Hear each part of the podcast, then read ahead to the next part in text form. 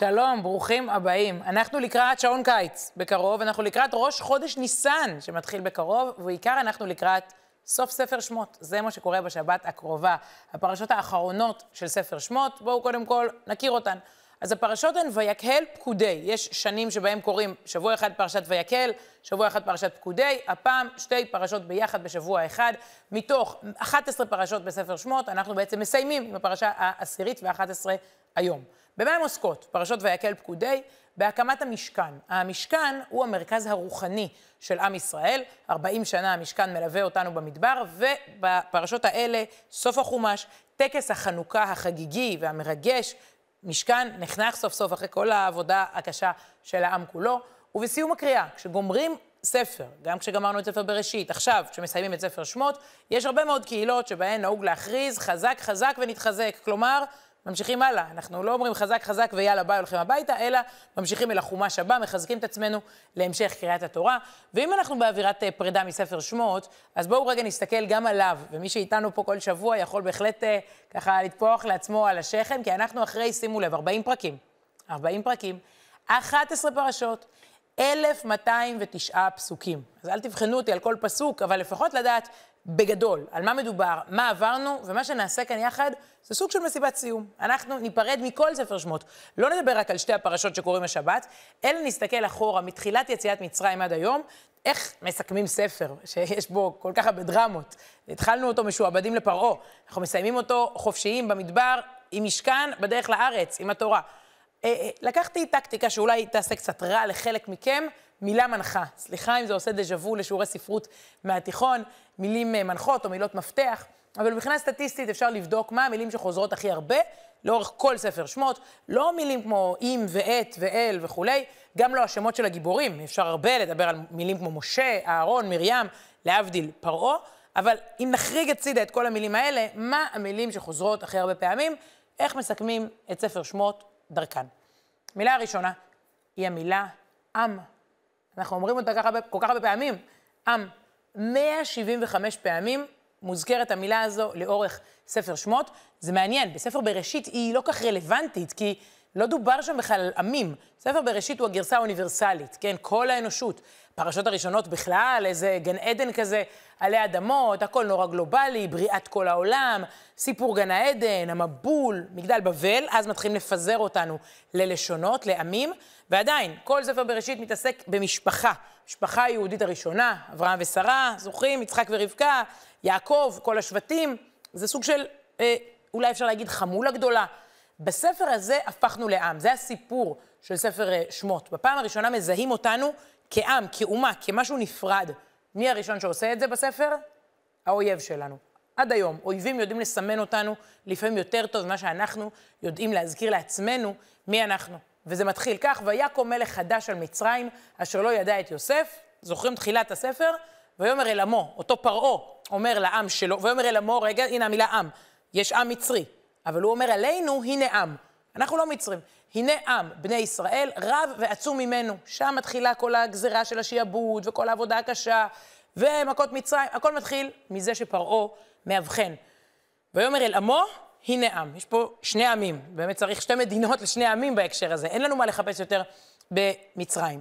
העובדה שדווקא האויב, כן, יודע שאנחנו עם, ממש, אה, לא צריך להסביר אותה בכלל, עד כמה כאן ספר שמות מזכיר לנו. קודם כל במצבי מלחמה, טרור, מצוקה, אנטישמיות, רדיפות, אסונות, הופ, אנחנו נזכרים. כלומר, האויב מזכיר לנו מי אנחנו, הרבה מאוד פעמים, ובכלל, בעידן אוניברסלי אה, כמו שלנו, עם פחות גבולות ופחות הגדרות, זה תזכורת יפה. אה, בסוף, שיש עמים ויש לאומים שונים ויש זהויות שונות, לא כולם אותו דבר, וזה כן משנה למה אתה משתייך, לאום, משפחה, קהילה, זה מושגים שלפעמים מותקפים בתקופה הזאת, לפעמים, הרבה מאוד פעמים, אנחנו עוסקים בפירוק ולא לא בבנייה.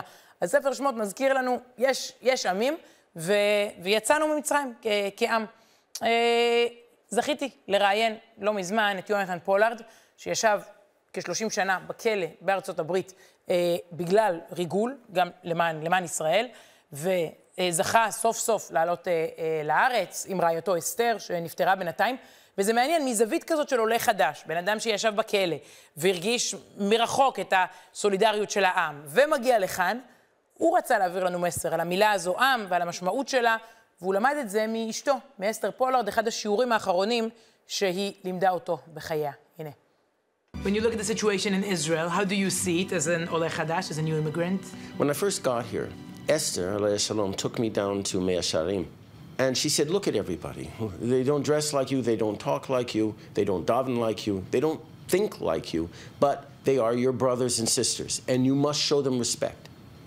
Then she took me into Tel Aviv, and she said, I want you to look at people here. They don't act like you, they don't dress like you, they don't talk like you, they don't think like you. But they are your brothers and sisters. This is my philosophy going forward. I want the temperature to be reduced. I want people to talk, not yell. אני רוצה להראות עוד קטע וידאו, שוב, קצת תזכורות למילה המיוחדת הזאת, עם, בהקשרים חיוביים. בהקשר שלנו זה הקשר חיובי, בהקשר של עם אחר, העם הטורקי זה כמובן בהקשר טרגי. שוב, ראינו כל כך הרבה דגלים, כל כך הרבה מדינות באות לסייע. הנה דוגמית מהמשלחת שלנו, עם הדגל, מגן דוד, אה, כחול לבן, ותפילת הדרך, בדרך במטוס לטורקיה, לסיוע מטעם ישראל אחרי רעידת האדמה. לבוא מיני תקלות ופורענויות. שומרנו והצלינו מתוך תחנו בית ישראל, הטסים מנתיבי האוויר, ועוברים באורחות הים ודרכי היבשה, וכך כל אויב ועורב, וכל אסון ונזק, וכל צער רע וצער. אנא עמית ידי האוחזים בהגה, ואכן רוחם להנהיגנו שלום. שפך בלבד חסינו מעתה ועד עולם. כי אל שומע תפילה ותחנו מעתה, ברוך אתה אדוני, שומע תפילה. אמן. ולמי שלא מכיר את הנוסח, זה לא אה, תפילת אה, הדרך שאומרים ברכב, אלא תפילת דרך של, ה, של המטוס. אה, אוקיי, עם. מה המילה השנייה? והיא חוזרת אפילו יותר פעמים. סתם רציתי להתחיל במילה עם, אבל המילה שבאמת חוזרת אולי הכי הרבה, היא המילה עשה, עשו, עשינו, עושים, יעשו. השורש הזה, עין, סין, ה', עשייה, 323 פעמים. זה באמת, אה, בספר שמות אה, כולו, אה, 323 פעמים אומרים לנו, תעשו. הייתה פעם פרסומת, אולי אני זקנה בילדותי, הייתה פרסומת של אלכס אנסקי, מה לעשות? לעשות. משהו כזה של איגוד התעשיינים או משהו. אז ספר שמות אומר לנו, מה לעשות? לעשות.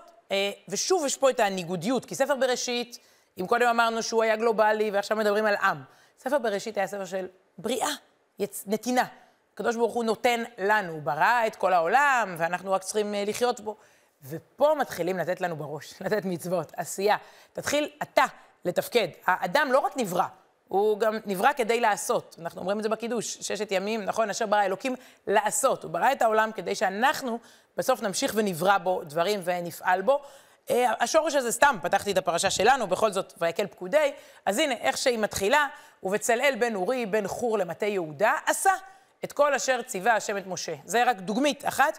מה זה עשה? זה בעיקר, בעיקר העשייה של המשכן. בואו רק נסביר את הפרויקט.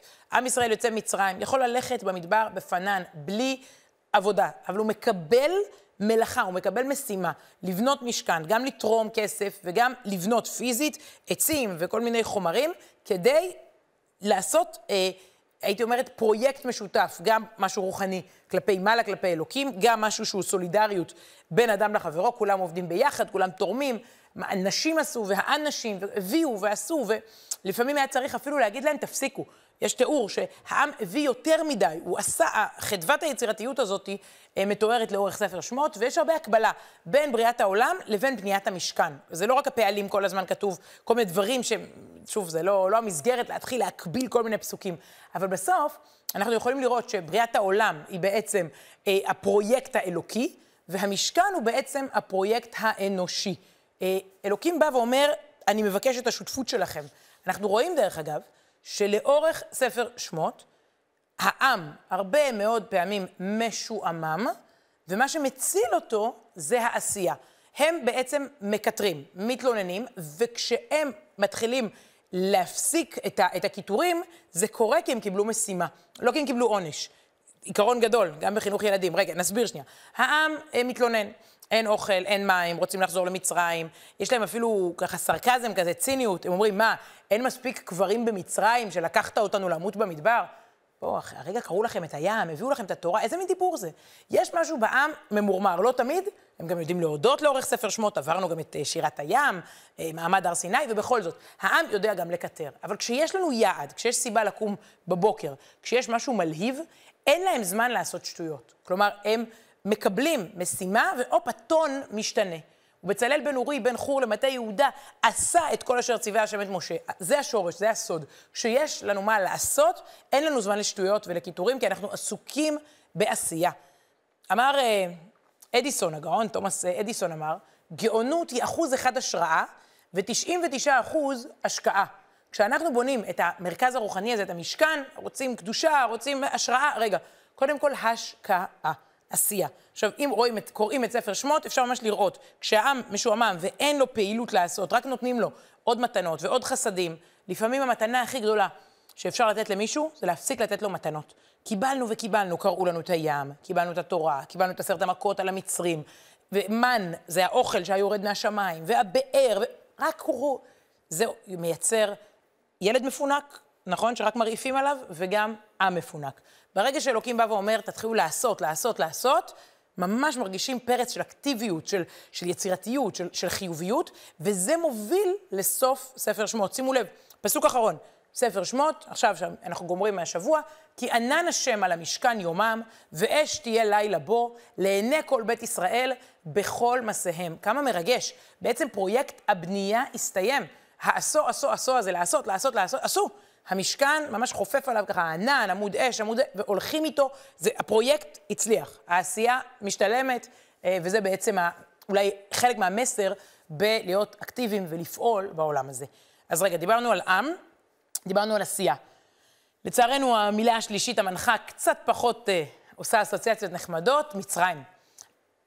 לא, אני, אני באה להגיד משום מה, אבל זה לא משום מה, זה ברור.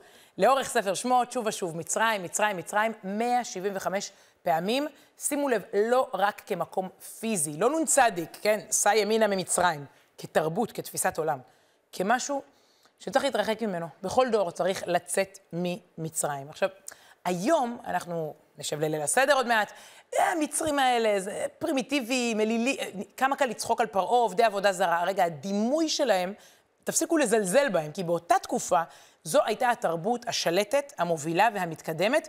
אנחנו היינו הפרימיטיביים, כן? היום קל לצחוק, עברו אלפי שנים. אני רוצה להגיד משהו על מצרים העתיקה, אוקיי?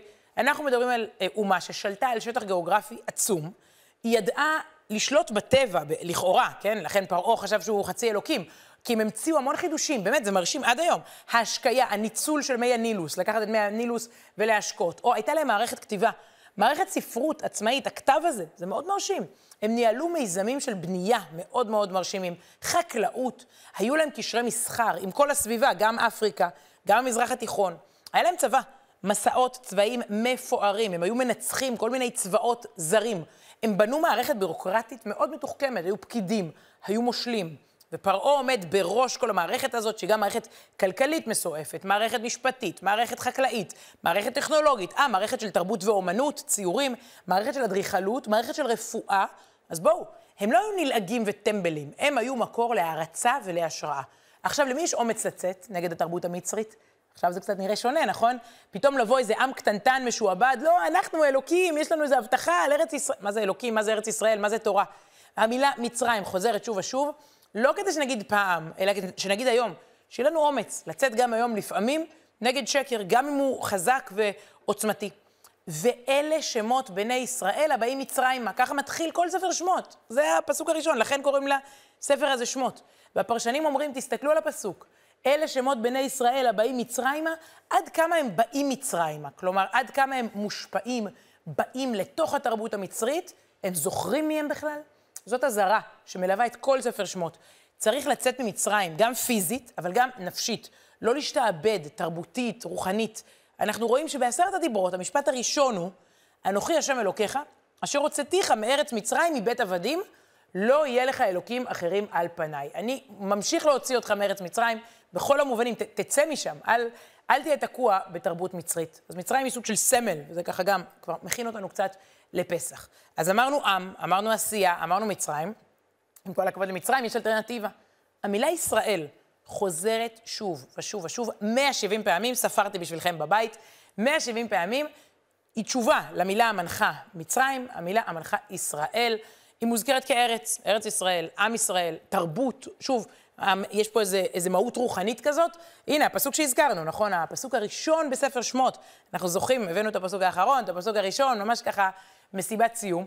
אז עוד פעם נראה אותו, הפעם נחפש בו את המילה ישראל, לא את המילה מצרים. ואלה שמות בני ישראל הבאים מצרימה. ככה מתחיל הספר, אנחנו הבנים של ישראל. עכשיו, לפעמים, לפעמים, אה, תרגום לאנגלית עוזר לנו להבין את העברית. באמת, הרבה מאוד פעמים אני רואה משהו וקורא אותו באנגלית, סתם דוגמה, אה, אה, אה, אוהל מועד, מופיע הרבה פעמים גם, אה, אוהל מועד, משה מגיע לפגוש את אלוקים באוהל מועד. אז ראיתי באיזה תרגום, tent of meeting. וואלה, זה, המיטינג הזה עזר לי להבין שגם מועד זה מלשון להתוועד, יש לנו פגישה, אנחנו באיזשהו ועד, כן? לא, שכחתי שאוהל מועד זה מקום שבו נועדים אחד עם השני. אז גם ראיתי לא מזמן, בני ישראל, אתה כזה קורא, יאללה, בני ישראל זה משהו שעובר לך ליד האוזן. בני ישראל, The children of Israel. אה, רגע, זה הילדים של... שכחתי, הם הילדים של ישראל. אנחנו כל כך רגילים לביטוי שאנחנו כבר לא חושבים עליו. אנחנו הילדים, ש... מי זה ישראל? יעקב, כן, יעקב אבינו, ישראל. אה, וואלה, אנחנו הבנים שלו. כלומר, הילדים שלו, בני ישראל, הופכים לעם ישראל, מקבלים את הזהות שלהם, הכל קורה פה. בספר שמות, רק תחשבו, מאז כמה פעמים אמרו את המילה Israel. באו"ם, בחדשות, איפה לא? ישראל, Israel. רק היום שמעת, שמעתם אותה 200 פעם. אז שם זה מתחיל. בהר סיני, שוב, אם אנחנו עושים איזו פרספקטיבה של כל הספר, בהר סיני, זה באמת באמת נצרב בנו, ויחן, מלשון חנייה, ויחן שם ישראל נגד ההר. העם כולו חונה בעצם נגד ההר, ולמה לא אומרים ויחנו, עם כל הכבוד, ורש"י מסביר שהיינו שם כמו איזה יחידה אחת, ויחן כאיש אחד בלב אחד. תחשבו שכל עם ישראל, לב אחד, לא כל כך נשמע תמיד אקטואלי, לצערנו, מול פס הקול הציבורי. תחשבו שאנחנו יכולים להיות כאיש אחד בלב אחד, מתייצבים מתחת להר סיני לשמוע מי אנחנו, ביחד, כן? להקים משהו חדש ומלהיב, לא כמו מצרים, אלא כמו ישראל. זה אתגר עד היום, אנחנו מדינת ישראל, אה, כל, כן, אה, אה, אנחנו עדיין מתמודדים מול העולם, גם להסביר את עצמנו, גם להשפיע לטובה, לבטא את הערכים שלנו. בעולם. במובן מסוים זו אחת המתנות. אנחנו נכנסים לספר שמות כמשפחה קצת אולי מבולגנת, שבאה מארץ ישראל רעבה וקיבלה איזה מקום קצת לגור בו, ואנחנו מסיימים את החומש הזה עם זהות, עם אמירה, וגם עם כיוון. בסוף ארץ ישראל זה גם יעד, אנחנו, אנחנו בדרך אליה. למרות שצריך להגיד, ואני אומרת פה משהו קצת לא, לא הכי פוליטיקלי קורקט, אנחנו נהיים עם לפני שאנחנו מגיעים לארץ. כלומר, העם ישראל קודם לארץ ישראל. תורת ישראל קודמת לארץ ישראל. זה קצת מהפכני, אנחנו רגילים, כל אומה כאילו צומחת במקום שבו היא חיה. אבל הרב שמשון רפאל הירש מסביר לנו שאצלנו זה קצת שונה, שימו לב, לרוב האומות צומחות מתוך איזו טריטוריה, אנחנו כבר בדרך לכאן, אנחנו כבר אומה. אה, בנוהג שבעולם הוא אומר, בדרך כלל, מוצאו של כל חוק אה, נובע מן העם, ואילו בישראל הדבר להפך. כלומר, אצלנו העם נובע כתוצאה מן החוק האלוקי. חוק התורה הוא שעושה אותנו לעם, שם בהר סיני. הגענו לארץ הזאת, ארץ ישראל, כבר מגובשים כעם ישראל. צריך לחבר את, ה, את העם ואת הארץ. אבל זאת מילה שבאמת, אה, עד היום, רק תנסו מהיום לספור, אה, רק עד שבת, כמה פעמים אתם שומעים ישראל, ישראל, ישראל. עכשיו למילה החמישית, היא מפתיעה. היינו, אוקיי, אמרנו מצרים וישראל, אמרנו עם ואמרנו עשייה. יש מילה חמישית ש... היא מעניינת, כי היא, היא לא אומרת משהו חד משמעי, היא אומרת שני דברים. המילה הזו היא זהב, קודם כל. זהב, היא מופיעה 80 פעם. עכשיו, למה היא מוזכרת כל כך הרבה? בשני הקשרים, ויש פה איזו אמירה, כלומר, לאן אתה לוקח את הזהב בחיים שלך, את הכסף, את היחס לממון? אה, יש פה שימוש כפול, והמילה הזאת היא לא, שוב, היא מילה מנחה, אבל היא, היא, היא מורכבת. עגל הזהב, כמובן, אחד האירועים הטראומטיים אה, בספר שמות ובהיסטוריה שלנו. ויתפרקו כל העם את נזמי הזהב, הנה המילה הזאת, את נזמי הזהב אשר באוזניהם, ויביאו אל הארון, זה אזכור אחד, הם בונים את עגל הזהב, לצערנו. כלומר, הם לוקחים את הזהב שיש להם, תכשיטים, רכוש, ובונים עגל. אבל, הרבה מאוד פעמים הזהב מוזכר בהקשר אחר לגמרי. בניית המשכן, בגדי הכהן הגדול, הכלים של המשכן, גם שם צריך זהב. לדוגמה, הנה, והם ייקחו את הזהב ואת התכלת ואת הארגמן ואת תולעת השני ואת השש חומרים נפלאים, צבעוניים, ססגוניים. מזהב מתברר, אתה יכול בחיים שלך לעשות עגל, ואתה יכול לבנות משכן. יש פה כאילו נתון, יש זהב בעולם. עכשיו בוא תגיד לי, מה אתה עושה איתו? אה, זו הבחירה החופשית שלך. בעצם, בעצם המילה המנחה כאן היא לא זהב, היא בחירה חופשית. מה היחס שלך לכסף? לאן אתה לוקח אותו?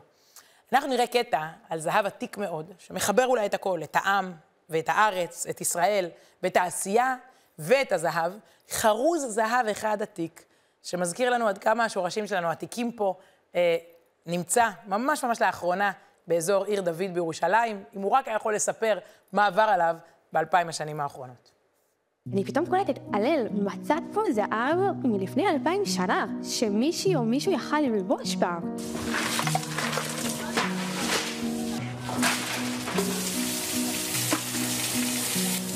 אני זוכרת שפשוט שפכתי את הדלי למסננת, והתחלתי בעצם לשתות את החומר.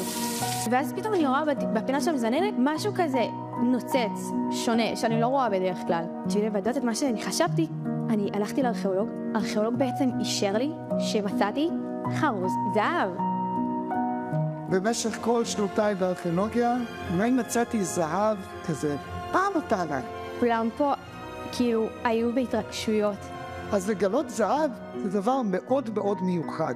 כי מה שאנחנו רואים פה זה חרוז קטן, שלמעשה היווה רק חלק קטן מדבר הרבה יותר גדול. משרשרת שכללה עוד חרוזים זהב, ולמעשה החרוז הזה שרד את כל פגעי הזמן. אני נמצא עמוק מתחת לאדמה, בחפירת הרחוב המדורג שבגן הלאומי בעיר דוד. מתנהלת מזה כבר כמה שנים חפירה של רשות העתיקות במימון עמותת אלעד. באחד הבתים מהתקופה הרומית נחשף חרוז קטן מזהב. מי שיכל להרשות לעצמו חרוז שכזה מזהב היה בן אדם בעל אמצעים.